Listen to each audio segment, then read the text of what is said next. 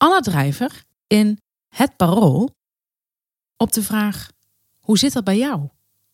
Ik kwam erachter dat ik bang ben dat mensen verliefd op me worden. Want dan ben ik mensen iets verschuldigd. Net als mensen die zeggen: Je hebt een kort rokje aangedaan. Dus nu wil je dat ik jou betast. Je hebt het uitgelokt. Dan moet ik iemand kwetsen. Want dan moet ik zeggen: Sorry, wat erg dat je weg bent bij je vrouw. Maar ik zit niet op jou te wachten. Ik voel altijd de angst om gewoon zo loeloe door de stad te fietsen als stralende knappe vrouw. Omdat mensen dan kunnen denken dat ik aan het vluchten ben. Dat kan gevaarlijk zijn. Inspirerend. Loeloe. Een goede podcast is als therapie. Je kunt er al je shit kwijt. Wij, Stephanie Hogenberg en Janneke van Doorst, bespreken de heetste shit van de week en onze eigen shit. Zodat we samen met jullie weer een kilo lichter zijn. Welkom terug. Dit is aflevering 66. Loeloe. En wat zijn we blij dat we er weer zijn. Loeloe. En ik ben heel blij om te vertellen dat tegenover mij Stephanie Hogenberg zit. Ja, dank je Ja. voor dit warme welkom. Je ziet er stralend uit. Dank je Dat wel. heeft je goed gedaan, hè, die pauze? Ach man. Ja, ja, ja, ja, ja, ja. Onwijs. Ja, Jou ook. mij ook. Jij ziet er ook stralend uit. En ehm, we beginnen zoals altijd met de huishoudelijke mededelingen. Ja. Het allereerst wil ik even zeggen, wij zitten weer in Wijk bij Duurstede. Dat mooie stadje. Ja. In provincie Utrecht. En wij zijn weer welkom bij de familie Balhuizen in hun tuinhuis. Ja, ik denk dan als jij zo'n gebaar maakt dat je iets wil zeggen. Loeloe. We gaan eventjes naar eh, jouw huishoudelijke mededelingen ook. Want ik zie hier staan, jij was een week in Limburg. En daarachter staat allerlei bevindingen. Ja, ik was een week in Limburg. Ik had drie optredens in Limburg. Dat wil zeggen, ik, ik, ik zing niet. Ik geef geen concerten. Althans, nog niet. Maar het was nu eh, voor signeren. Signeren en een interviewtje. Van jouw boek. Van mijn boek. Want jij hebt een boek geschreven. Ja, ik heb een boek geschreven. Dat weten niet veel mensen. Eh, we hebben het over je gehad. Ja. Door eh Stefanie Hogenberg. En eh, ja, dat boek, dat wil je... Ja, je moet er eigenlijk mee de boer op. En dat heb ik dus ook gedaan. En nu was Limburg aan de beurt. Ik doe alle provincies. Ja. Dus, eh, Is er nog een provincie waar je niet bent geweest? Volgens mij Friesland, toch? eh, nog tien provincies waar ik niet ben geweest. Oké. Ja. Nou, dus je bent er bijna. Ik ben er bijna, ja.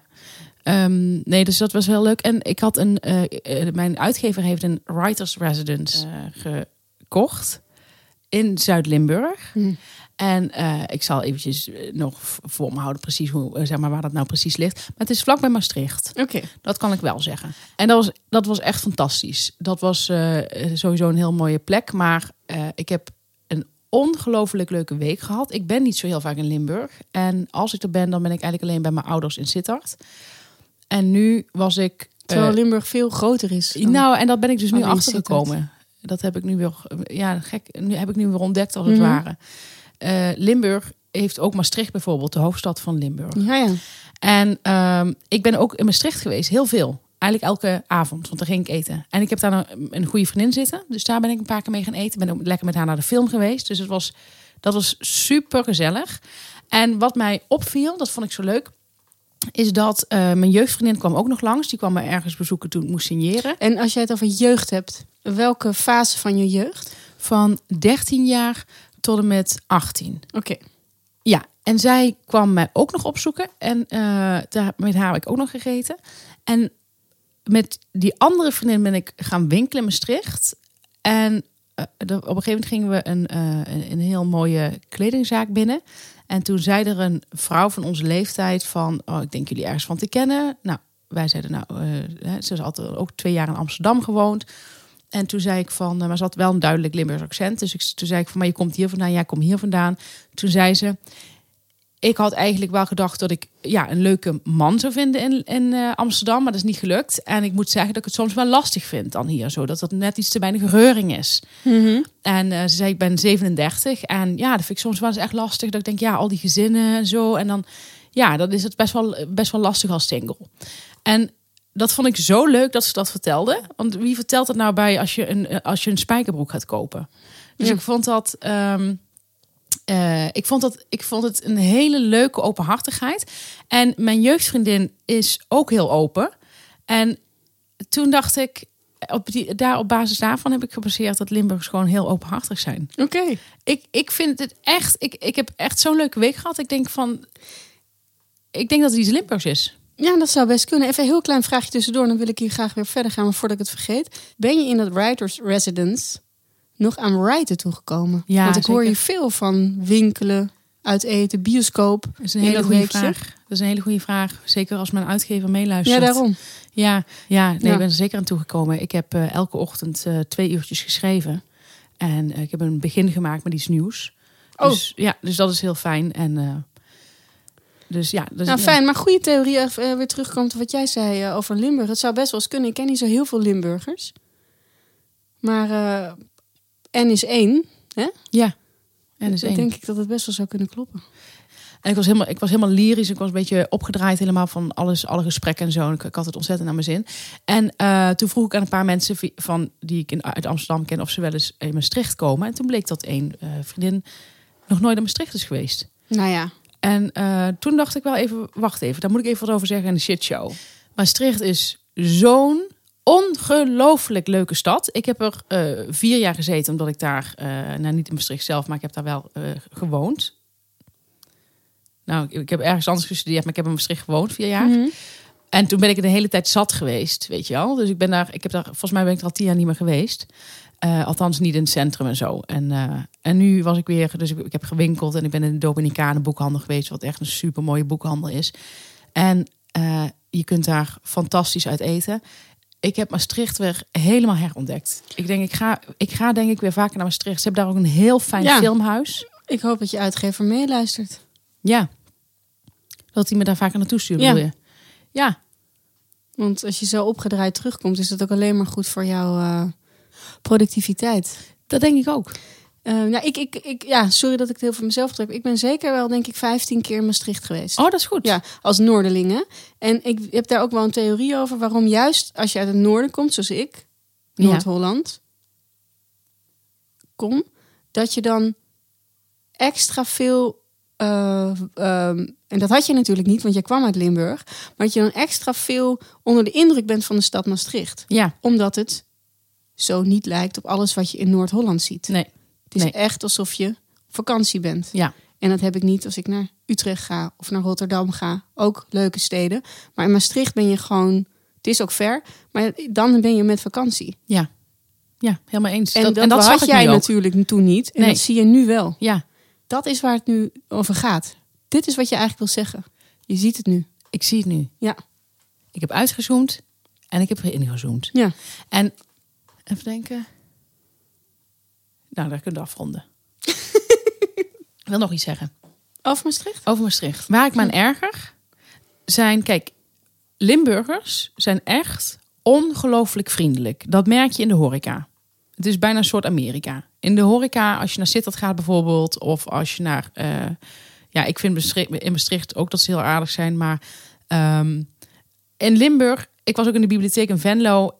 Ik, ik vond iedereen, in de bibliotheek zijn ze sowieso, sowieso aardig, maar ik vond gewoon eh, iedereen ongelooflijk vriendelijk. En ik dacht, ja, dat is toch ook weer, was ook een beetje een cultuurshock voor mij. Want dat ja, heb ik ook nooit zo bekeken. Maar ik zei dat laatst een keer, eh, van, eh, dat ze in Limburg zo vriendelijk zijn. En ze, ze zeiden twee mensen, nou, in Maastricht niet hoor. En dat maakt me een beetje geïrriteerd. Want dan denk ik, ja, het is de hoofdstad van Limburg. Ze zijn, het is een enorm cliché. Ze zijn een beetje chauvinistisch. Ze zijn heel trots. Eh, ja, dan doen ze ietsjes botter dan de andere Limburgers. Dan zijn ze nog steeds bovengemiddeld vriendelijk. Mhm. Dus daar wil ik niemand meer over horen. Precies. Over dat gezeik. En als jij in Limburg bent, hè, ehm, en je bent in Maastricht en je gaat iets bestellen, pas jij je dan toch weer een beetje aan eh, qua eh, accent? Nou, ik denk wel dat ik iets Limburgs ga praten, maar dat, dat horen zij nooit. Oké. Zij, zij, ik heb, heb jij als- dan niet het gevoel van ik wil ook laten zien Ja. dat ik een van hen ben? Ja, ik ja. ben ja, toch? Dat kan. ja heb ik dat heb ik zelfs ook altijd. Als overal als ik ben, dan wil ik een beetje doen van ja. Ik heb wel een Brabantse vader, of weet je wel? Zo. Oh ja, ja. Ja, dat heb ik dus wel. Ja. Dat is heel menselijk. Ja, ik vind het jammer, als, want ze herkennen mij nooit als Limburger. Want eh, laatst vroeg iemand op de verjaardag, dat was afgelopen zaterdag. Toen vroeg iemand van, ehm, of, of ik nooit dat accent van mij wilde afleren. Maar dat is niet aan de orde. Dat kan niet. Meer dan dit kan ik het niet afleren. Nee, je hebt al je best gedaan. Ik heb echt al mijn best gedaan. En in Limburg horen ze dus niet dat Nee. ik Limburgs ben. Ze denken echt dat ik ergens uit Noord-Holland kom. Ja. Ja. dat kunnen mensen zich in Noord-Holland niet voorstellen. Ik ben echt een beetje ontheemd. Ja. Dat is wel tragisch. Ja. Maar eh, ik zeg wel heel snel van, ik zeg ja, ik, want dan gaan ze me uitleggen hoe de steden in eh, Limburg zitten. Dan zeg ik ja, ik zeg kom uit Sittard. Oh, oké. En dan moeten ze altijd even schakelen. En dan gaat, moeten ze dat, dat land dan ook niet helemaal, Mhm. omdat ze het niet. eh, maar goed, ja. Nou, ik, ik zou het iedereen willen aanraden. En ik vind ook eh, de idee altijd over Limburg. Ja, ik, ik, ik kom er ineens. Ik, had, ik heb altijd gezegd nee, ik ga nooit terug naar Limburg. En na die week dacht ik, er is een kans dat ik misschien toch echt in Zuid-Limburg zou eindigen. Het zou zomaar kunnen. En ik met, denk het niet met echt. eindigen? Nou, dan heb ik het over eh, tussen, tussen mijn 85ste en mijn 90ste. Ja. Maar ik dacht wel misschien van, eh, wat, wat me nu een heel leuke stap lijkt, is als we een vakantiehuis of zo kopen in eh, Zuid-Limburg. Goed idee. Dus dat lijkt me heel leuk. Nou goed, ik zou nu ophouden. Hebben we verder nog huishoudelijke mededelingen? Eh, jij had iets over Tachi. Ja, ik, had, ik wilde iets over Tachi zeggen, want ik heb me de laatste tijd best wel in hem verdiept. Oh ja? Ja, er was, werd weer een prikkel aangewakkerd. en dat kwam door Wesky natuurlijk. En heb ik op vakantie eigenlijk alleen maar die Parool Misdaad podcast geluisterd. Mhm. En wat ik leuk vond en heel goed, is dat eh, er schijnt een, een eh, toen Tachi nog niet eh, opgepakt was, toen was er een beloning uit, of hoe zeg je dat uit, niet, niet uitgereikt, beloofd hè, voor, voor degene die een Op geldprijs zijn hoofd. op zijn hoofd, Ja. een geldprijs, hoe heet het nou, beloofd, Gezet. gezet. Nou, met de punaise op zijn hoofd gezet. En, en dat was een geldprijs van, weet je dat nog of niet? 10.000? Nee. Oh. Nee. Misschien weet ik het gewoon niet. Nee, maar die gokken mag. Oké. Het is een interactieve podcast. Eh, het was 100.000 euro. Ja, zie je, ik zie dat met die nullen niet. Ja, het was 100.000 euro. En daarover zei Tachi dat hij dat heel Calvinistisch vond. Ja. En dan zeg ik, Tachi, je hebt meer dan gelijk. Het is toch werkelijk knettergek om maar 100.000 euro te bieden voor iemand die de allergrootste topcrimineel van de afgelopen Ja. decennia gaat verklikken. Ja, dat is 10 kilo kook. ja. Weet je? Dit- vond ik en ik vond ik heel leuk. Maar hij had dus ook, hij had, hij- ja, hij had dat zo gezegd. Ja, goed. goed. Vond ik goed van hem. Ja. ja. Geen domme jongen, hè, die Tachi? Het is geen domme jongen. En weet je, iemand kan slecht zijn, maar er zitten ook goede kanten aan.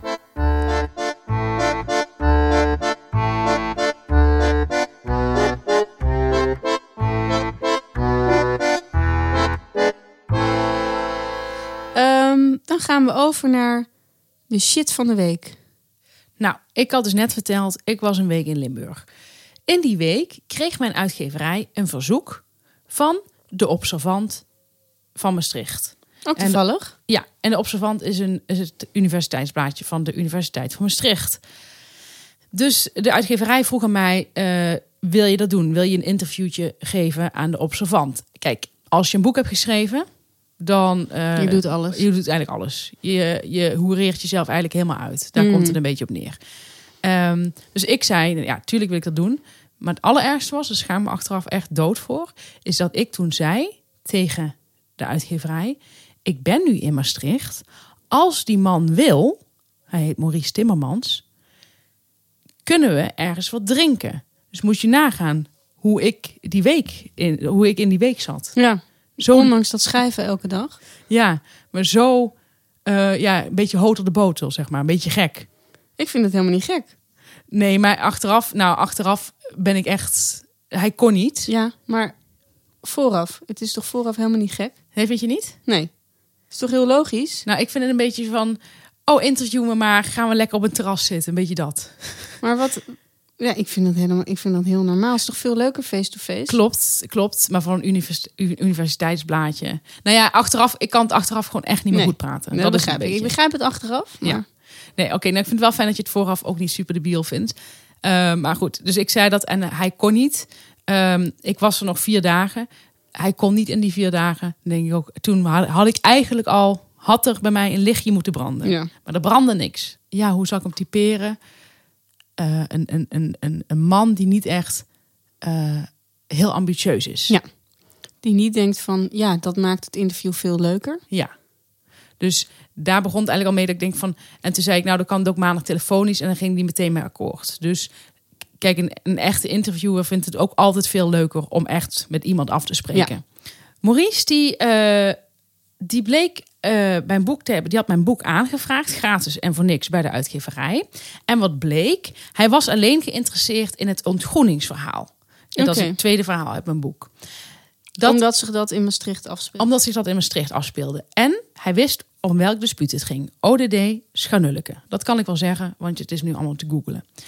Toen zei ik, eh, hij ging mij eh, vragen stellen. Hij zei, hij begon zo. Hey Stephanie, ja, hallo. Hey, jij eh, hebt een boek geschreven. Eh, ja, ik, ik moet zeggen, ik, eh, ik las het. En ik heb zelfs echt ja, een paar keer hard op gelachen. En ja, ik vond, wel, ja, vond het leuk om te lezen. Ik heb alleen hoofdstuk 2 gelezen. Ik, ik ga de rest van het boek nog wel lezen hoor. Dan weet je al, die gaat nooit meer de rest van mijn boek lezen. Ik heb dit nog nooit meegemaakt. Dat iemand zo eerlijk ervoor uitkomt dat hij voor sensatie komt. Een Limburger. En Dat openhartige. Dat openhartige weer, ja. Ja. Ehm, wat, kijk, ik ben nog niet getraind om. eh, ik, ik voelde al in het gesprek dat het heel erg de sensatiekant opging. Maar ik was niet bij machten om te zeggen: hey, eh, hey. Want dat, zo begon hij elke vraag. Hey, hey. Zo'n rare manier van vragen stellen op het onbeschofte af. Ja, hey. eh, ik, ik was niet bij machten om te zeggen van anders, anders weet je, ik, volgens mij is het toch helemaal niks voor mij. Dat had ik achteraf gezien gewoon moeten zeggen. Ik voelde al, eh, ja, dat dit, dit, dit, is, dit zijn rare vragen. Dit is een beetje mijn boek een beetje plat slaan. Het is een beetje oneerbiedig naar mij toe ook. Nou, daar was ik dus zelf bij, maar het is best wel moeilijk om als je daarin in zit in zo'n gesprekje. Je wil toch je beste, je beste beentje voorzetten. Dus dat is, dat is gewoon lastig. Nou, dan heeft hij geschreven. Oh ja, toen zei ik ook nog, nou, daar, kom ik zo op. Even kijken. Het onafhankelijke damesdispuut Schanulleke was haar warm aanbevolen door twee mannen die al in Maastricht studeerden en bij een herendispuut zaten. Hogenberg, die nu als journalist in Amsterdam woont, was toen tweedejaars, tweedejaars aan de Fontis Hogeschool in Sittard. Nou, dan gaat hij zo, gaat hij zo eventjes, gaat hij eigenlijk dat hele hoofdstuk, hele hoofdstuk, hoofdstuk 2, gaat hij helemaal samenvatten. Eh, Ik, ik wist echt niet wat ik las. Dus ik kreeg dit vervolgens. Ik merkte dus al tijdens het gesprek van dit is een niet zo'n prettig gesprek. De vraagstelling vond ik, heel- ik vond de vragen oerzaai. Ze gingen echt heel erg over waarheid, weet je wel, van hoe het nou echt gebeurd was en zo. En eh, eh, hij gaat mijn heel, hele ontgroeningsverhaal, mijn hele ontgroeningsessay, gaat hij samenvatten. Van meet af aan wordt haar duidelijk gemaakt dat ze iedereen aanspreekt met mevrouw plus achternaam. Geen voornamen meer. Daarna volgt een ceremonie waarin ze op haar knieën gekroond wordt tot aspirant dwerg. Nou, en dan op de wekelijkse dispuutavond gaat hij gewoon helemaal vertellen wat ik daar moest doen. Ehm, dit gaat gewoon helemaal zo verder. Dit is gewoon een half A4. En dan komen we bij de vragen. Waarom wilde je bij een dispuut? Dit is toch geen normale vraag? Ik was ook niet. Kijk, dat heb, je, dat heb ik ook toen ik nog single was en op Tinder wel eens daten. Er waren mannen die zeiden dan: Hoe was je dagje? En er waren momenten in je leven dat je dacht: Ik ga eens proberen niet al te cynisch erin te gaan. Gewoon een keer daarvoor open te staan. Gewoon een keer openstaan voor zo'n idiote vraag. Ja. Eh, en ik ga eens antwoorden. En dan antwoordde ik iets. En dan probeerde ik nog, ja, weet je wel, iets, iets, iets leuks te zeggen. En dan werd ik eh, verwijderd van die eh, Conversatie. conversatie. En eh, eh, dan, daarna vond ik dat antwoord heel stom. Maar een vriendin zei een keer heel terecht: zulke mensen eh, hebben de gave, en dat is ook hun enige gave, om jou mee te trekken naar hun niveau. En dat Ja. is een vrij laag niveau. Mhm. Het, het, hoe was je dagje niveau. Ja. Nou, dat heeft hij ook. Waarom wilde je bij een dispuut? Nou, daar geef ik best wel een saai antwoord op. Omdat ik ook, ja, ik, waarom wil je bij een dispuut? Hoe zou ik het anders kunnen beantwoorden dan iets serieus? Toch? ja, en lees het verhaal. Lees het verhaal. Dan komt de volgende vraag. En dat begon weer met... Ja, hey, eh, je noemt het dispuut Sneeuwwettige. Heb je dat gedaan om achteraf geen gedoe te krijgen met het dispuut? Ook weer een ridicule vraag. Echt, ik, ik, ik, ik, ik weet niet hoe ik het anders moet uitdrukken. Dit is zo. Dus ik zei, oh nee, helemaal niet. Ik vind het te plat om alles bij de echte naam te noemen. En het hoefde wat mij betreft niet herleidbaar te zijn. Toen vroeg ik aan de telefoon. Van, ik, zeg, en hoe, ik zeg, hoe weet jij dat het om Schanulleke gaat? En toen zei hij, ja, ik had de column van eh, Sylvia Wetteman gelezen. Dus deze man heeft ook nog zelf helemaal niks ontdekt. Die heeft gewoon in de Volkskrant een column gelezen. Sloeg aan omdat er iets in Maastricht afspeelde. En dacht, daar ga ik een lekker stuk van schrijven. Ik ken geen grotere creatieve armoede. Het is ongekend. Nou, dan, ja, hé, hey, uh, misschien vindt de dispuut dat je uit de school klapt. Nou, dan heb ik geschreven, de oudleden moesten erom lachen, lala. Uh, hey, zijn de beschrijvingen van de aantijd bij Schanulleke waarheidsgetrouw? Dit is toch niet, dit is, dit verzint er niet, Jan? En wat is zijn obsessie met Schanulleke? En dan kom je bij het pijnpunt. Deze man is 55 jaar. Hij luistert naar de naam Maurice Timmermans. En wat ik denk dat er is gebeurd, is dat Maurice zelf nooit bij een dispuut heeft gezeten of bij een vereniging. Dit altijd iets fascinerends heeft gevonden. En uh, dat is gegroeid. Mm. Dat, dat, is hij steeds fascinerender Hoe verder je de kans hebt om daar, hè, hoe verder je daar vanaf gaat. Dat denk ik. En wat hij nog interessanter vindt, is uh, vrouwendisputen. Ja. En dat maakt het ook wel een beetje gek. Mm. Dat, je zo, dat je zo op een vrouwendispuut focust. Dat je denkt van, ja hé. Hey. Want op een gegeven moment zegt hij, hé, hey, en jij hebt je laten vernederen hè? uh, hoe vond je dat? Uh, en dan zeg ik, en dat is het enige waar je een beetje irritatie mee hebt. Ik zeg, nou, dat vind ik eigenlijk het minst interessante aspect. Ontgroeningen zijn nu eenmaal vernederend. En dan zegt hij, ja, hé, hey, weet eens één ding. Maar het ondergaan is soms toch iets anders. Nou, dan heb ik gezegd, ik zou het zo weer doen. Um, toen was het interview klaar. Interview tussen aanhalingstekens. Nou, een dag later, misschien twee dagen later, stuurde hij mij dat stuk op. En toen uh, zag ik mijn eigen antwoorden en ik vond ze echt heel saai. Ik dacht van, oh, dit is ook echt wel uh, een beetje. Ik heb ergens staat er gewoon dat ik zeg van, um, ik had niet verwacht dat mensen zo snel de link met Schanulke zouden leggen. Dat was eigenlijk een beetje een verbazing die je ja. uitte, of niet? Ja, verbazing die uitte. Niet iets wat ik nou een goed antwoord vond voor in het interview, maar dat had hij dan opgeschreven. Mm -hmm. Want hij vond alles, eigenlijk alles wat ik zei, dat heeft, vond hij machtig mooi. Want hij zat zo dicht eh, bij dat vrouwendispuut. Mm -hmm. En bij die vernedering. Bij die vernedering, daar zat hij zo dichtbij. En dus ik, ik stuurde naar hem van, ik stuurde terug. Uh, uh, hoi Maurice, ik uh, vind de antwoorden wat saai. Ik had het ook naar mijn uitgever gestuurd en daarvan kreeg ik terug van poeh, dit is wel een heel saai interview. Kijk even of je nog wat andere antwoorden kunt geven, want dit is echt, ja, hier, hier heb je niet echt iets aan. Mm. Deze man is op sensatie uit. Dus ik zei, ja, ik vond het ook wel heel saai. Dus ik, ik denk, ik denk, kom wel goed. Dus ik stuurde wat andere antwoorden terug. Uh, het iets meer opgefluft en iets leuker. En toen stuurde hij, ik pas het aan. Dus ik had eerlijk tegen hem gezegd, ik vind het een beetje, ik vind het een beetje saai. Ik heb mijn antwoorden wat uh, scherper gemaakt. Mm. En toen uh, stuurde hij terug, ik pas het aan. Nou. Ik denk, hij past het aan. Ja. Dus ik denk, nou dat is fijn. En ik dacht wel, les geleerd. Ik moet niet meer, um, ik moet niet meer, als ik, als ik zeg maar zoiets voel tijdens een gesprek, moet ik gewoon zeggen, stop. Ik wil, ik wil dit niet, weet je wel. Ik vind dit niet fijn. Maar goed, ik dacht dat is voor de volgende keer. Uh, vervolgens stuurt hij mij de link van het artikel. En blijkt dat hij echt nou, twee dingetjes heeft aangepast. En gewoon al die hele saaie antwoorden nog heeft laten staan. Waarin ik dus zeg van, ik wist ook niet dat het zo makkelijk herleidbaar zou zijn. Dus ik stuurde hem van, ik zeg, je hebt het oude artikel erop gezet. Want ik zag in eerste instantie niet dat hij nog mm -hmm. wel iets had aangepast. Dus ik zeg, je hebt het oude artikel erop gezet. En ik zou het fijn vinden als je het nieuwe artikel erop zet. Nou, dat was via de mail. Toen dacht ik, ik bel hem even. Want het gaat sneller. Ja. Dus ik belde hem. En toen zei ik van, uh, ja, ik zeg, uh, ja, ik zeg, ik zie dat je het oude artikel erop hebt gezet. En uh, zou je het, dan zou je de aanpassingen erop willen zetten. Stephanie, ik hoef jou toch niet uit te leggen aan een serieuze journalist hoe journalistiek werkt. Dus toen dacht ik, ah kijk, nu hoor ik ook genot. Dus nu, mm -hmm. dat genot kwam echt naar buiten. Dat, daar vond ik, vond ik het wel een beetje akelig worden. En toen zei hij van, zei hij vrij snel, ik zit ook drie dagen bij trouw. En uh, dit doe ik uh, nog erbij. En jij weet toch wel, ja, ik vind, ik sta echt een beetje versteld. Ging die gaslighten? Ging die mm -hmm. helemaal omdraaien? eh, ik sta echt een beetje versteld dat ik een serieuze journalist, journalist moet uitleggen hoe journalistiek werkt. Toen zei ik, nou, ik zeg, ik heb wat interviews inmiddels gehad voor de wat serieuzere kranten. Mhm. Volkskrant, Parool, eh, inmiddels ook eh, de Groene Amsterdammer.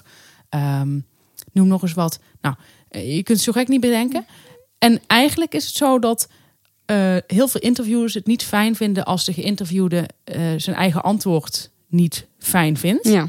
En tot nu toe heb ik heel goede ervaringen dat ze dan zeggen: ja, maak het maar wat specifieker. Of weet je wel, of als je iets wil weglaten. Deze meneer niet. De observant van Maastricht, een universiteitsblaadje. Het, het was wonderlijk, maar de toon die hij aansloeg tegen mij was zo denigrerend. En dan denk ik: dit kun je allemaal doen, maar wat heb je eraan?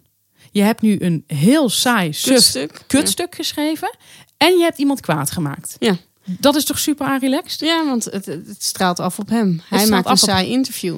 En ik vergeet het nog. Vergeet nog wat hij ook nog heeft gedaan. En dat had hij mij ook niet gezegd aan de telefoon. En dat vind ik ook een beetje gek. Hij ging eh eh schanulken om een reactie vragen. Mm. Nou, dat is natuurlijk het, het, het, het dispuut dat er nu is. Dus daar heb ik niet meer zoveel contact mee. Ik heb contact met de oudleden. En we hebben zo wel af en toe een mail per jaar over een, dien, een gala en zo.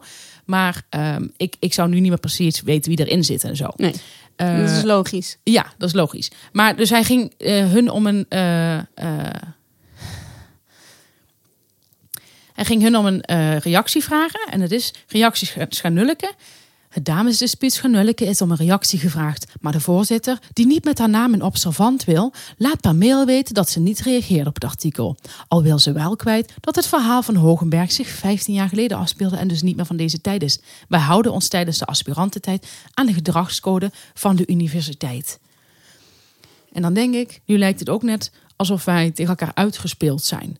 Terwijl Ja. Best wel blij is, want die zeggen van dit is prima, weet je wel. In Maastricht leest natuurlijk iedereen dat, dat blaadje. Ja, maar wat, wat ik er een beetje uithaal is dat zij heel veel beter weet dan jij hoe de observant te werk gaat. ja. Ja, Om heel eerlijk te zijn, is zij hier slimmer mee omgegaan dan jij. ja, ja, klopt. Ja.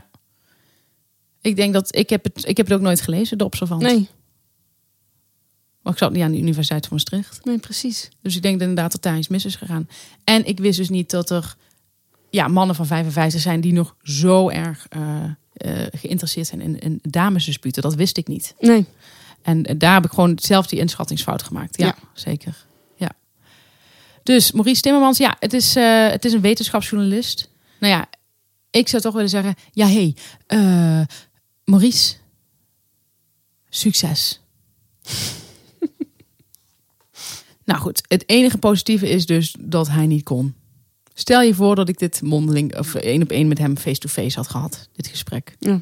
Dat was wel helemaal erg. Dat je zo, ugh, dat je zo dichtbij was geweest.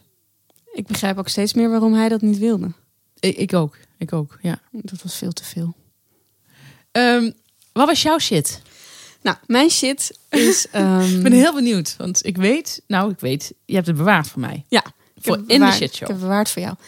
Eh, wat was het geval? Een tijdje geleden heb jij jouw boek ingesproken. Klopt. Herinner jij je dat nog? Eh, even denken hoor. Ja, Ja, het boek heet We hebben het over je gehad. ja klopt. Heb jij ingesproken. Daar gaan we het heel veel niet over hebben, over dat inspreken. Nee, ik heb ook liever dat mensen het gewoon kopen. Ehm, toen werd ik gevraagd om ook een boek in te spreken. Niet mijn eigen boek, want ik heb, heb ik even niet. Nee, Even. eventjes. Misschien over drie maanden wel. We 15 weten het niet. Toen zei jij tegen mij, dat moet je doen. Dat is hartstikke leuk. Ja, Herinner jij dat nog? zeker weten. Ik heb jou aangespoord. Jij hebt me aangespoord. Ik mocht dat doen bij Marcel. Ik zat ook bij Marcel. Dat weet ik. Dat werd mij al gezegd. Van eh Stefanie heeft ook eh, bij Marcel gewerkt. Dus een hele relaxte man. Nou, dat was het ook. Ja, Dus het gaat hier niet over Marcel. Marcel en ik hebben, denk ik, op een bepaalde manier een soort band gekregen. Ehm, maar ook dat je elkaar misschien nooit meer wil zien. Ik ben zo benieuwd waar dit naartoe gaat. Ik moest een boek inspreken dat over wielrennen ging. Ja. Misschien weet jij van mij. Ik weet werkelijk niks van wielrennen. Ja. Ik zie het probleem nog niet. Nog niet, nee. En daarom wil ik dat jij een stukje voorleest uit dat boek. Zou je dat leuk vinden? Dus zomaar even een scène van pagina 2. La Cambra is altijd ploegleider geweest in het vrouwenwielrennen. Eigenlijk legt daar zijn hart, zo vertelt hij me. Die vrouwen geven alles wat ze hebben en krijgen er soms niet eens voor betaald. In het mannenwielrennen heb je te veel kampioenen die denken alles te weten, maar die eigenlijk niets weten. Toch zei hij ja toen MTN Quebeca hem vroeg als ploegleider in dienst te komen. Omdat hij, zo'n bijzonder, omdat hij het zo'n bijzo- bijzonder project vond. Met kampioenen heeft hij er bovendien niet te maken. Zes van de negen mannen in de Vuelta-ploeg van 2014 hebben nooit eerder een grote ronde gereden. Het Zuid-Afrikaanse toptalent Louis Mijntjes en zijn vier landgenoten.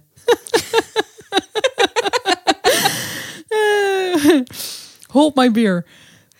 Songezo Jim, Jacques Jansen van Rensburg, J. Robert Thompson en Jaco Venter debuteren. En dat geldt ook voor Eritreër Merawi Kudus.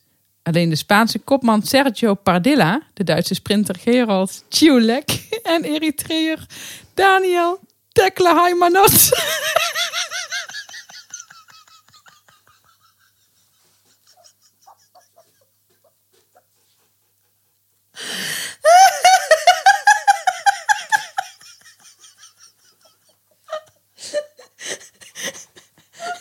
Oh, de hele tijd met Marcel heeft hij de tijd moeten corrigeren. Hij werd zelf ook gek, want hij wist het ook niet. Marcel weet ook niets van wielrennen.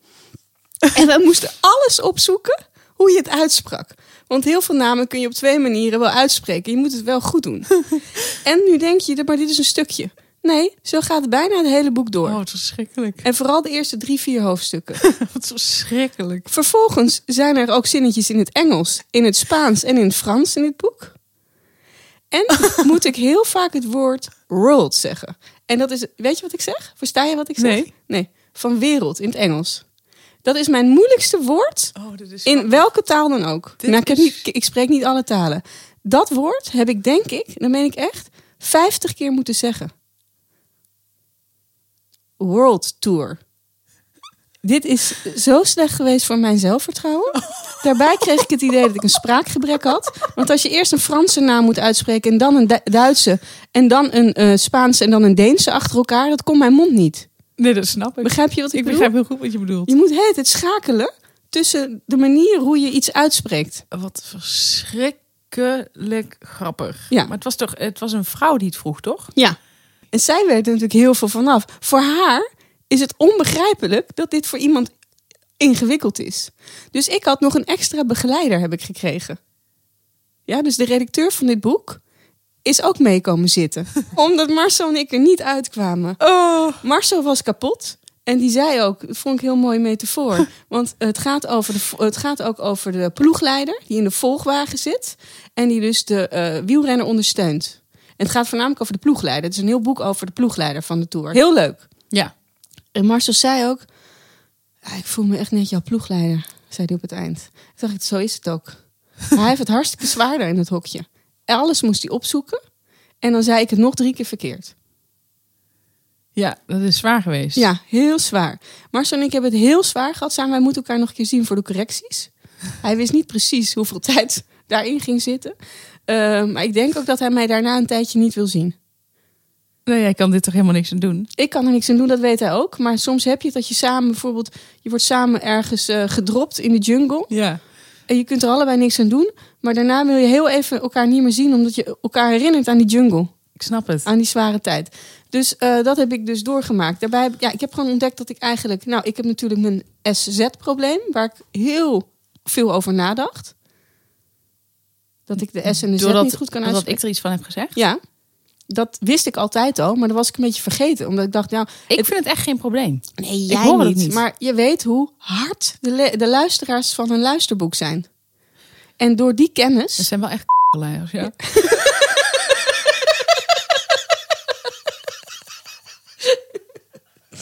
Ik wist, eh dat S en de Z is toch opgevallen, want ik wist dat al jaren van mezelf, maar ik hoorde er nooit iemand over. Dus ik dacht, nou, misschien eh, valt het niemand op. Dus dat was wel opgevallen. Dus ik was heel zelfbewust en ik kon daardoor ook bijna niet meer voorlezen. Ik snap het. Ja? Ja.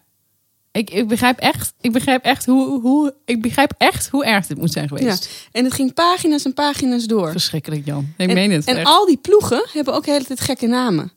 Ik wist niet meer waar ik het moest zoeken. Maar je houvast moest zoeken. Ja. En dan kwam elke keer dat woordje en dan zag ik het al staan, een paar zinnen verderop. En dan kreeg ik al van tevoren de zenuw dat ik weer world moest zeggen. Ik kan het niet, nooit gekund. Maar ik vind Ik moest het ook ook iets in het Frans zeggen. Ik moest in het Spaans zeggen. Jij weet misschien wel, ik spreek geen woord Spaans. Ik ook niet. En ik moest dus iets in het Spaans zeggen op een gegeven ogenblik. En in het Frans. En ik zeg dus de hele tijd, en dat kan ook heel storend zijn, peloton in plaats van peloton. Oh, Maar daar zei, er zei niks van, mijn begeleiders. peloton.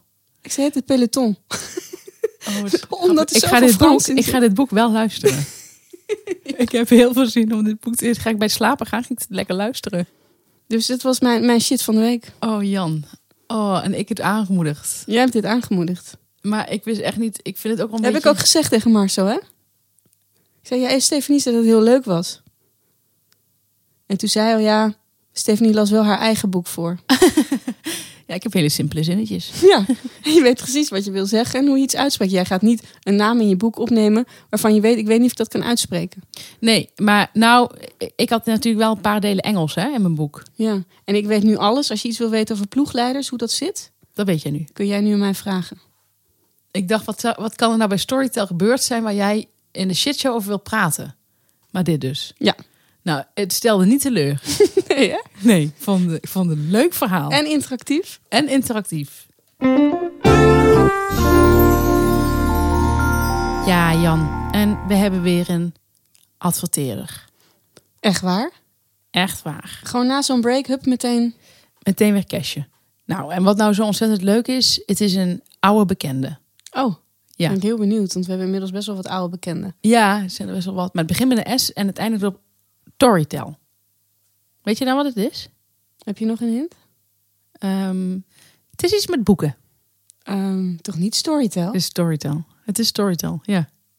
Ja, Het niet is- zo onzeker, het is goed. Ja, Ja. nee. Ik heb natuurlijk zelf laatst een boek ingesproken, dus ik weet er nu alles van. Ja, ach, dat weet ik nog die ene keer. Hoe Ja, dat achter de schermen allemaal toe gaat. ja leuk is dat, hè? Heel leuk. Als je echt eh, de arbeid ziet, zeg maar. En ook Mhm. hoe arbeidsintensief het is. Ja. Ik heb een heel leuke tip voor Storytel. Ehm, het heet Hindergroen. Weet je van wie dat is? Nee. Martine Bijl. Oh, leuk. Martine Bijl. En ik weet niet of het bij jou bekend is, maar Martine Bijl is een ongelooflijk goede schrijver. Het is mij bekend door jou. Oh, echt? Ja. Dat is leuk.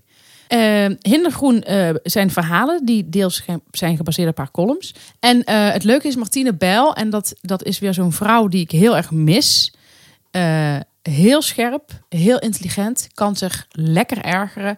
Is ook af en toe eh, boos over dingen. Eh, kan zich bijvoorbeeld heel erg ergeren. Zij schrijft ook, zij doet vertalingen van musicals. Daar gaan bijvoorbeeld stukjes over. Daar schrijft ze ongelooflijk leuk over. Het is echt heel erg leuk. En ehm, er gaan ook heel veel stukken over haar tuin. Daarom heet het Hindergroen. Ze is heel erg met de tuin bezig. Op zo'n manier schrijft ze dat op dat ik zelf dacht... dat wil ik later ook een tuin. Mhm. Terwijl ik echt niets met tuinieren heb. Want het lijkt me echt... Ik, ik lijkt me dan, ben dan helemaal niet handig in, denk ik. Maar zo smakelijk kan ze dat opschrijven. En ehm, wat ik leuk vind is dat ze zich dan heel erg ergert... aan mensen die laatdunkend doen over musicals. En dan zegt, ze, en dan zegt ze zoiets als... dat is een heel speciaal soort mens. Dat zijn van die mensen, die zijn er nog nooit naartoe geweest... en weten dat het niks voor hen is. Dat vind ik zo knap. Nou, zo zinnetje, maar dan leuker. Eh, en ook dat ze in New York met haar, met haar man loopt. Met, eh hoe heet die, Boudewijn... eh, Berend Boudewijn. Berend Boudewijn. En ik ben heel erg fan van Martine Bijl. En ik vind het een klein beetje zoiets als... Ik vind haar denk ik een beetje een Nederlandse Nora Ephron. Oh ja? Ja, dus dat doe ik, grote, dan doe ik een grote uitspraak. Ja. Maar ik durf, hem, ik durf hem gewoon te doen. Oké. Ja. En dat is leuk. Dat staat op Storytel. Dan kunnen we met haar. Dan, ik denk dat we hier aan de herontdekking van eh, Mart- Martine Bel staan. Of de ontdekking als, eh, van Martine Bel als schrijver. ja, Want ik heb nooit iemand over Martine Bel gehoord, behalve dat ik jou erover hoorde. ik ook dat niet. betekent dus dat heel veel mensen heel veel missen. Ja. En eh, ze heeft ook een ander boek, dat staat er dan niet op, maar haar nieuwste boek, nou, dan moeten mensen maar even zelf uitpluizen. Maar in ieder geval, Hindergroen staat erop. En het is echt, ik, ik beloof het, de moeite waard. Is het als luisterboek of als e-book? Het is als luisterboek en als e-book. Dus dat is ook fijn. Ja. Dat je, eh, ik had laatst weer een heel boek op mijn telefoon uitgelezen. Mhm. En het is zo leuk, weet je wel, gewoon overal waar je zit. Elke vijf minuten dat je even op iemand moet wachten, heb je altijd lekker dat boek bij je. Ja. En zo'n Maar jij moet vaak op iemand wachten. Ach, ik ben altijd veel eerder dan de anderen. Ja. En Mop, heb jij een boek wat je wil aanraden? Ik heb ook een boek. Dat het is een heel bekend aanraden? boek. Dus niet zoals dit. Het is niet zo'n ontdekking. Maar het is wel weer eventjes fijn om het misschien weer van je hoofd te krijgen. Of misschien heb je het nooit gelezen en denk je, ja, dat mist nog. En dat is Ronja de Roversdochter. Oh ja, Ik ben dat nu aan het voorlezen aan mijn dochter. dat is zo leuk. Ja, en ik herinner me nog van vroeger dat ik heel graag Ronja wilde zijn. Dat heb ik nu niet meer. Komt ook omdat ik wat ouder ben. Nou, vind ik heel volwassen. Ja, maar ook om, ik, ik denk wel eens even, af en toe denk ik, het is wel heel koud, weet je wel.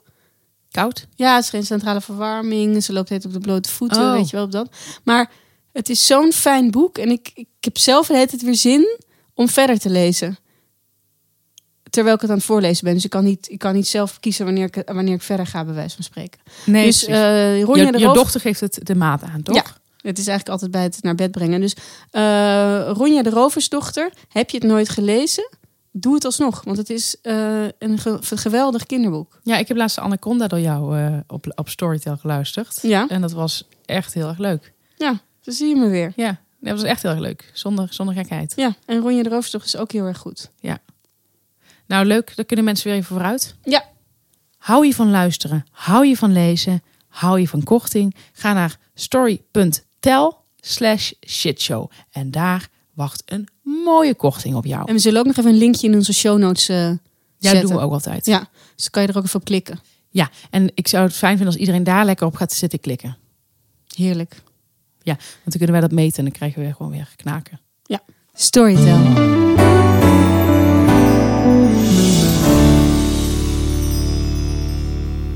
En dan zijn we weer bij onze wekelijkse rubriek. Ja, Lulu. En ehm, nou, zoals we zeiden, hebben wij een geweldige rubriek voor jullie bedacht. Lou. En de rubriek is Het inzichtje van de week. Stef en ik doen soms een inzicht op. En wij zijn zo gul om dit met jullie te delen. Dat is goed, goed geformuleerd, ja. Ja. en de ene keer hebben we allebei een inzicht. De andere keer heeft Stef er een, dan heb ik er een. Dat maakt deze rubriek ook een soort vrijplaats voor onze inzichten. Ja, we willen geen druk ervaren. Je moet geen druk hebben op inzicht. Want als je Nee. een inzicht gaat zoeken, dan vind je hem niet. Wil jij beginnen? Ik wil wel beginnen.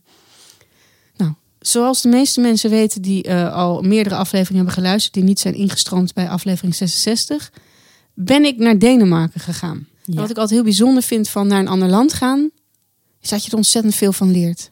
Ja, het is heel leerzaam. Ontzettend veel. Ik weet dat als mijn vriendinnen terugkwamen uit Thailand, en die kwamen toch met een kennis terug. Ja. Ongelooflijk, hè? Wisten wat, Wat- de hoofdstad was. Wat ze daar allemaal op... Ik, ik herkende ze bijna niet terug. Zoveel kennis. Ja, En dat had ik dus in Denemarken bijna precies hetzelfde. Want wat gebeurde er nou? Kijk, Denen zijn ja, bijzondere mensen. Ik, ik heb heel veel gereisd. Hè. Je weet, ik ben dit jaar nog in Bretagne geweest, in Drenthe. En nu naar Denemarken. ja je bent heel bereisd. Ja, dus ongelooflijk veel globetrotter ben ik. En er komt ongelooflijk veel op me af. Ja. En elke keer zie ik weer dingen. Ik hoor dingen, ik ruik ook dingen. Och. En wat er nu gebeurde was het volgende. Het viel mij op dat elke keer als wij naar een dorpje gingen... en dan is het bijvoorbeeld elf uur 's ochtends, half elf soms, vroege vogels... dat kinderen daar ijsjes aten. In Denemarken? Om half elf 's ochtends. Van die echte ijsjes, hè? niet een waterijsje, softijs, eh bolletjes ijs. Oh. Ja. En in het begin zat ik daar een beetje met verbazing naar te kijken. Want dat is wat vaak gebeurt hè, als je iets nieuws ziet. Ja. Iets wat je niet kent. Ijsjes in de ochtend. Dat ken je niet. Ken Bij ons niet. zijn ijskoopwinkels niet eens open in de ochtend. Nee. Hè? Nee. Gaan meestal pas in de middag open. Wees opnieuw naar het inzicht. Ja. En wat is nou het inzicht van mij? Het inzicht is dat je dat soort dingen allemaal vrij moet laten. Want waarom zou je geen ijs eten in de ochtend? Wat is dat eigenlijk voor iets belachelijks? Dat wij zeggen 's ochtends als onze kinderen een ijsje vragen: nee, het is ochtend. Ze mogen wel een stuk appeltaart op een verjaardag, maar niet een ijsje. Nee. Nou ja, ik ben even stil omdat je me echt aan het denken zet. Ja, en dat is wat ik ook probeer te doen. Ik probeer, en dit is natuurlijk iets wat, wat je vaak hoort van mensen van boven de 40 plus, dat je dat allemaal wat beter los kan laten. Ja, wat goed. Ja, en dat mijn nieuwe inzicht is, als, als je iets lekker vindt, dat het niet uitmaakt welk tijdstip van de dag het is. Nou, En dit lijkt heel makkelijk, maar ga jij maar eens een ijsje eten in de ochtend. Ja, Dat, is een stap. Dat durf ik helemaal niet, Dat is een enorme stap die je moet eh, overwinnen. En nou ja, het heeft mij gewoon een inzicht gegeven weer van... Gooi dat juk van je af. Ach, heerlijk. Ja, wat goed. Gooi dat juk van je af. Als die Denen doen, Kunnen wij het ook? Ja. Ja, gooi de ijskoolwinkels in Nederland open 9 uur 's ochtends. Ga lekker ijs eten. ja. maar ze moeten wel geld willen verdienen, hè, Jan. Hey. Ja, En dat is ook zoiets. en dat is moeilijk hier. Zal ik mijn inzicht vertellen? Ja. Kan dit wel hier overheen? Dat weet je- ik niet. Nee, dat weet je niet. Dat weet ik niet. Nou, het is niet een inzicht waar mensen per se iets aan hebben. Het is meer een, het is meer een nadenkertje. Oké. Ja. Wat ik me zat af te vragen. Nou, dat Ja. vraag ik me best wel vaak af. Ja. Is het volgende. Ik kan, vind ik zelf, best wel goed geheimen bewaren. Mhm. Maar hoe weten mensen nu dat ik goed geheimen kan bewaren als ik die geheimen voor me hou? Nou, ik denk dat mensen denken dat jij goed geheimen kan, kunt bewaren, omdat er nooit een geheim is teruggekomen. Denk je dat het zo werkt? Daarbij denk ik dat je nooit 100% zeker weet of de ander de geheimen bewaart. Maar kun je al wel een soort vertrouwen hebben dat de ander de geheimen, als hij het doorvertelt, niet aan de verkeerde persoon doorvertelt. Ja, Want iedereen moet soms wat kwijt. klopt. Ik weet wel precies als ik al. Kijk, ik wil even ook onderscheid maken. En volgens mij heb jij dat ook. Heb je een keer gezegd. Kijk, vrouwen staan bekend erom dat ze over het algemeen maar 24 uur lang een geheim kunnen bewaren. Dat vind ik, ja, ik vind dat heel grappig. Een hele leuke, hele grappige uitspraak. Ik weet niet van wie die is. Ik denk van, eh, Martine wel? denk het. Als je tegen mij zegt, ik wil niet dat je dit verder vertelt. Ja. Eh, dan hoef je niet uit te leggen hoe en wat. Nee. Van, kun je dit voor je houden? Ja. Vragen mensen dat van tevoren al. Kun je iets voor je houden? Ja. Vandaag heb ik nog iets to- tot me gekregen. Kun je het voor je houden? Ja. En dan eh, vertelt diegene het mij. En dan vind ik het soms wel moeilijk. Denk ik, oh, dat is wel moeilijk, want ik word hier enthousiast van. En Ja. soms vraag ik ook aan iemand van, mag ik het wel aan Janneke vertellen? Ja. Op een gegeven moment wordt dat ook een beetje kinderachtig. Maar eh, dan denk ik, vind ik, hè, het is een beetje alsof we dan één zijn of zo. Maar dan denk ik, ja, ik zie jou dan vanavond of zo. En dan vind ik dat. Dus ik, ik vraag altijd heel duidelijk hoe wat. Nou, soms mag dat wel, inderdaad. En dan vertrouw ik het ook jou toe. En dan zeg ik ook tegen jou van, hè, het moet bij jou blijven. Dan, en dan vertrouw ik jou daar ook in. Ik weet ook aan welke vrienden ik het echt nooit zou moeten vertellen... als het nog een tijdje onder de radar moet blijven. Ehm, wat wil ik hier nou over zeggen? Soms zeggen mensen iets tegen je... waarvan je denkt... eh, het is best wel vertrouwelijk, maar diegene heeft niet expliciet gezegd Nee. dat ik het voor me moet houden. En dan voel ik me ietsjes vrijer, Mhm. eh, maar ben ik wel zo integer om het ook maar aan één persoon. Kijk, en als ik echt iets in geheim, dan vertel ik het soms wel eens aan mijn moeder, Mhm. want dat zit gewoon in Sittard. Ja, het zit Of dat is een paar uur verder met de trein. aan een vriendin die in Maastricht woont, die ik super integer vind, want die vertelt gewoon echt, zelfs toen ik iets heel heftigs had meegemaakt, kwam ze met haar vriend mij opzoeken in Parijs. En toen wist die vriend van niks. En dat was niet gespeeld. En toen Nee. zei ik tegen haar later, waarom had je dat niet aan hem verteld? En toen zei ze, omdat ik niet wist of jij dat fijn vond. Ja. Dus haar, zij is gewoon mijn soort van dagboekje, een kistje. Ja, kan ook bij mij. Dat weet ik ook. Mijn god, ik word er heel jaloers van. Want ik heb een, ik heb, ik, het zit in mijn genen. Geheimen bewaren. Ja, en mijn oma kon vreselijk goed geheimen bewaren. En hoe weet je dat? Nou, ik zal het volgende vertellen. Mijn oma was bevriend met mijn andere oma. Ja, Doordat mijn vader en moeder samenkwamen, konden die vrouwen konden het onderling samen vinden. ja, Allebei eh, vroeg man over, verloren, dus ook twee single vrouwen zou je kunnen zeggen. ja. Zo zagen ze dat zelf in die tijd natuurlijk niet. Ehm, en eh, die werden vriendinnen. Leuk. Is heel leuk. Lijkt Ja. me ook heel leuk als een van mijn kinderen dan een hele leuke schoonmoeder krijgt, dat dat een vriendin van mij wordt. Hè, ben je ook samen oma en zo. Ja, heel, Heel gezellig. En ehm, mijn oma, of nou zeg, ik noem me of één even grootmoeder. Mijn grootmoeder, eh, die dus niet die het geheim heeft verteld aan mijn oma, mijn oma heeft het bewaard, eh, bleek dus dat mijn grootvader al een kind had voordat hij met mijn grootmoeder was. Ja, Dus voor dat huwelijk heeft hij een kind verwekt bij iemand. Eh, zij was protestants, hij was katholiek. Dat mocht niet. En eh heel gedoe, mocht niet met haar trouwen, mocht het kind niet erkennen, allemaal gedoe. Nou, even dat. Mijn vader kwam op een gegeven moment achter, toen mijn, zijn ouders dood waren, de schoonmoeder was ook al dood, dat daar iets was gebeurd. Hij ging naar mijn oma toe, zijn schoonmoeder. Weet jij daar iets van? Want jij zat al uren met die vrouw te praten. Weet jij er iets van? Ze zei, ik weet er iets van, maar ik zeg niks. Mijn vader heeft geprobeerd, geprobeerd dat verhaal uit mijn oma te krijgen. Zijn verhaal, die mensen zijn al dood. Ja. Ja? Ja. Het had Hij- wel gekund op Ja, zich. Ja. hij wil weten of hij nog ergens een halfzus of halfbroer heeft rondlopen. Ja. Er gingen geruchten. Eh, zij heeft gezwegen. En ze zei nog letterlijk, ik neem het mee in mijn graf. En is het nooit, is nooit de waarheid boven De waarheid is boven tafel gekomen, maar niet via die weg. Oh, wat sappig. Ja, En wat... Vind ik wel iets te hardnekkig en geheim bewaren, hoor. ik mij ook iets te ja, ver. het ging iets te ver. Dus iets te... in- Dat heb je ook, hè? Dat iets te integer is. ja. ja. Nee, wat leuk. Nee, dus dan hebben we dat alvast... eh ook voor de, ja, dat is ook wel leuk voor de mensen te weten. Dat we gewoon een goede geheim kunnen bewaren. Ja, heel ja. mooi inzicht voor de mensen. Ja. Nou, en van wat je net zei, van vandaag vertel je me zo. Hè? ja, dat vertel ik je zo. We hebben al shit gehad, inzichtjes. Maar wat was jouw ergernis? Ik heb een ergernis, die is terugkerend. Eh, het komt wel eens voor dat je een borrel hebt met een aantal mensen. En dan worden er pizza's besteld. En dan eh, willen mensen, dat is eigenlijk mijn irritatie. Dat is eigenlijk mijn eerste irritatie. Dat mensen dan, eh, bijvoorbeeld je bent met tien man. Ja. En ze willen dan, Oh, ik weet al precies wat je gaat zeggen. Oh, Dan ja. gaan ze zes pizza's Ja. bestellen en delen. ja. Dat vind ik echt al vrij krankzinnig. Krankzinnig beleid. Als je met z'n bent, bestel je dertien pizza's. Wij kunnen met elkaar praten. Ja, dat wist ik al. Ehm, maar dit is een krankzinnig beleid. Dan zeggen mensen van, ik heb niet zo'n honger. Ik hoef niet zoveel. Ik hoef maar één puntje. Denk ik van, ja, je kunt ook meteen opstappen. Maar goed, dit zeg ik allemaal niet. Maar het is, dus er worden pizza's verdeeld, gedeeld. Nou, en wat dan is mijn tweede irritatie. En dit gebeurt best wel vaak. Dit gebeurt ook bij buffetten. En eh, dit gebeurt ook wel eens als je met z'n tweeën op een terrasje zit en iets deelt. Wat vaak niet voorkomt. Maar het, het is eigenlijk altijd wel met pizza. Daar komt het wel eigenlijk altijd op neer. Het is eigenlijk altijd met pizza. Dan gaan mensen die pizzapunt eten. Maar dan willen ze eh, niet knoeien op de grond. Dus dan gaan ze die pizzapunt boven de pizza opeten. Als een haring.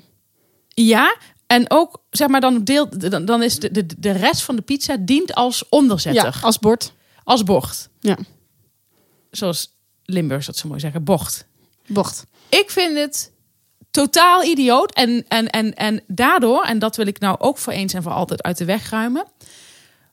Als we bijvoorbeeld op kantoor zijn, dan hebben we wel eens zo'n borrel. En dan ga ik bijvoorbeeld vier pizzapunten in één keer afscheuren en voor mezelf pakken. Ja. Dan zie je mensen kijken.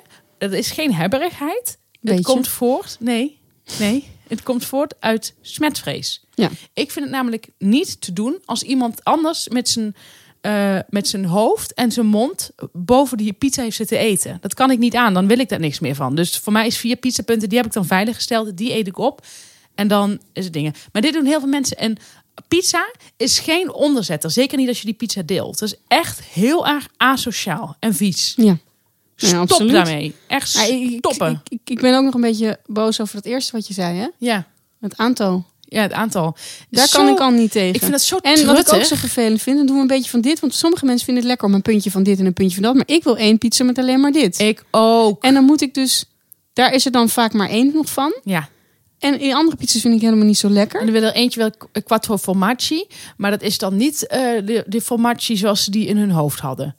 Ze Ja. hadden toch iets... En dan nemen toch- ze degene die jij hebt Ja, en dan willen ze dan toch de margarita. Ja, Dus hetzelfde die mensen die, die een eh, kebab nemen en dan zeggen voor mij met sambal. En dan zeg ik nee, ik wil het niet. En dan flikkeren zij de hele sambalbende erop. En dan willen ze vervolgens voor mij een hap, omdat ze zeggen Ja. mijn, mijn bek staat in ja, de fik. ja, ja. Disclaimer. Helaas hebben we mijn ergernis niet meer kunnen opnemen omdat een van ons moest schijten. Wil jij met ons je warme boodschap delen? Ja, ik wil hem wel delen. Ik sta te popelen, zoals je weet. Ja. Jij had hem al voor mij ingevuld. In Ja. ons, eh, hoe heet dat? In Ja. ons, Ik kan heel dwingend zijn. In daarin. onze call sheet. Ja. Nou, en jij staat ook te popelen, want hè, we hebben hem allemaal. We hebben het alle, allebei gezien. ja. Ehm, het was heel leuk. Ik was eh eventjes, eventjes, even een klein, heel klein aanloopje. Ik was op de Hartgrasborrel. Daar stond Herman Koch. Ik spreek Herman Koch, ik denk drie keer per jaar. En ik zag hem. En toen zei ik, Herman, en we hebben het eigenlijk nooit over series. Niet echt. Toen zei ik, Herman, ik heb een hele leuke serietip voor jou. En ik, ik liep helemaal over van deze serie. En toen zei hij, ik denk dat ik er ook een voor jou heb. En ik denk dat we het over dezelfde hebben. Dit was onze conversatie. Mhm. Vond ik heel prikkelend. Ja.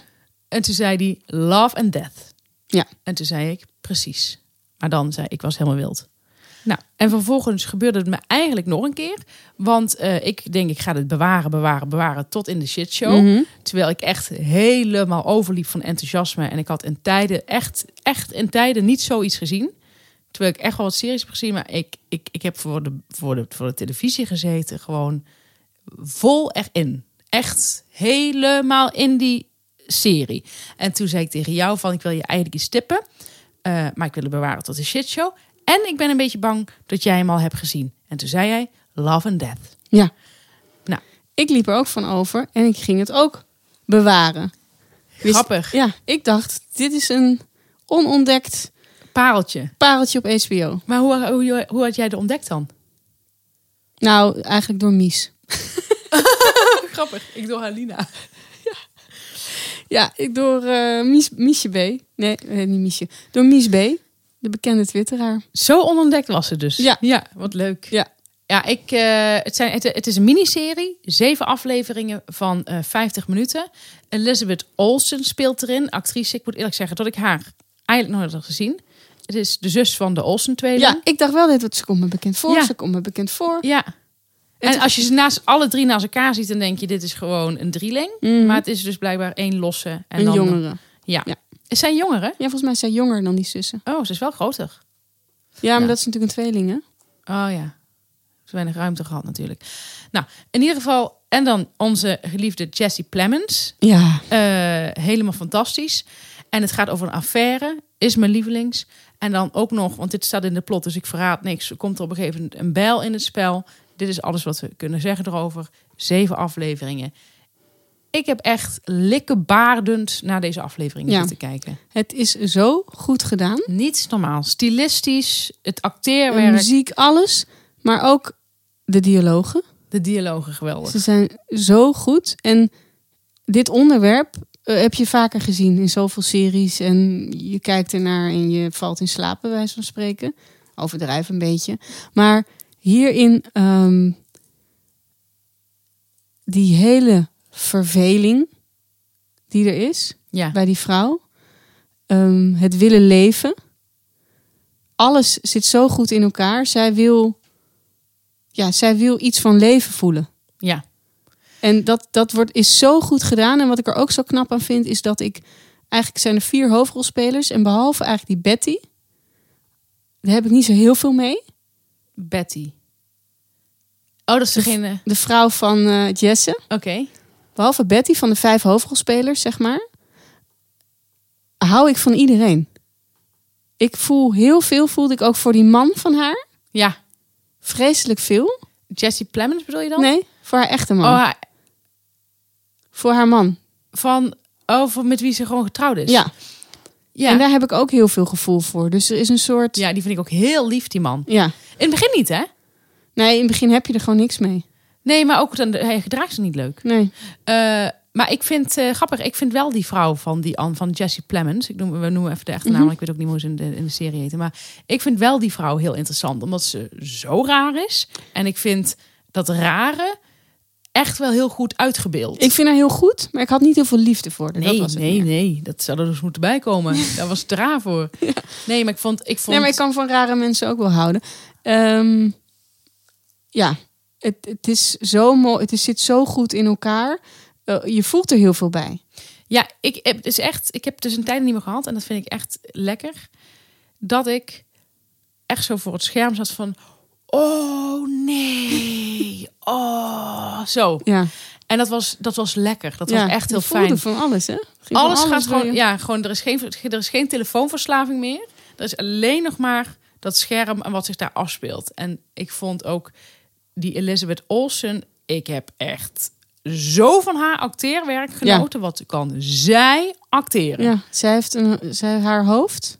Geweldig. En ik vind ook, ja, de dialoog vond ik ook prachtig. Ik vond ook gewoon dat ze dan, in, ja, dat ze dan in bed liggen. En dat, dat dialoogje dat ze dan zegt van, vertel me iets waar je je voor schaamt of waar je trots op bent. En dan zegt hij zo, want hij, en hij is ook zo'n geweldig acteur. En dan zegt hij, "Hmm, ja, nou, ik weet eigenlijk alleen iets waar ik me voor schaam, omdat ik er trots op ben. Oh, ik vind het nu al leuk, zegt ze dan. En dan denk je, oh ja, wie verzint dit? Ja, ze zo wil-. En waar het mij een beetje aan doet denken, is die eh, naturalistische romans. Daar was ik ook altijd zo'n fan van. Vrouwen die zich vervelen, die dan een beetje naar de zelfkant afglijden. Dat is dit niet, maar in ieder geval wel. Mhm. Het begint wel een beetje met zo'n vrouw die niet helemaal... Hè, die verveelt zich een beetje. eh, andere tijd ook, geen werk. Ja. Ehm, eh, wat vrijwilligerswerk in, in de kerk. Eh, en dat ik, het, het, het, het, spreekt me zo ontzettend aan. Ik vond het ook altijd leuk bij zo'n roman als Eline Veren. En eh, Ja. ja, wat ik zeg, die naturalistische romans. En het leuke is inderdaad, je stipt het even aan, dat het over echtparen gaat die verbonden zijn aan een kerk. Ja, En niet zo'n beetje ook. Hun hele leven speelt zich rondom die kerk af. ja. En als ze dan ook een nieuwe dingen. Nou goed, Ja. mensen moeten dit gaan kijken. Love and Death. Ja, dus echt fenomenaal. Ik, Maar hoor, dat- ik hoor net van Stef dat we mijn eh, warme boodschap naar volgende week verplaatsen. Dus volgende week. Nou, dan zijn we dus eh, aan het einde van de show. Aflevering 66. Loeloeloeloe. Wat hebben we weer genoten van elkaar. Loeloe. En ehm, nou, volgende week hebben we aflevering 67. Dan heb ik ook een warme boodschap van mezelf. En in de in Vriend van de Show beantwoorden we de vraag: wat is de meest overschatte eigenschap? Ja, aan mensen. En aan mensen, ja. Ja. Dieren, dieren. We laten het dierenrijk vandaag even buiten beschouwing. Ja. En, en als je dat hoort, joh, dat is zo 30 euro waard. Als je, als je vriend van de show van een heel jaar wil worden. Ben je wat gieriger van aard, dan betaal je 2,50 euro. Daar zijn we ook hartstikke blij mee. Want alles, alle beetjes helpen. Zeker weten. En met, met, ons, met ons stadion helpt dat enorm. Ja. Dus Dankjewel. jij ook bedankt. Bedankt kijkers. Bedankt Juriaan Balhuizen en zijn familie. Ja, En Hopper. Die had ons ook zo gemist. en de pizzeria met de overijverige hobers. Tot volgende week. Tot volgende Of week. tot de vriend van de show.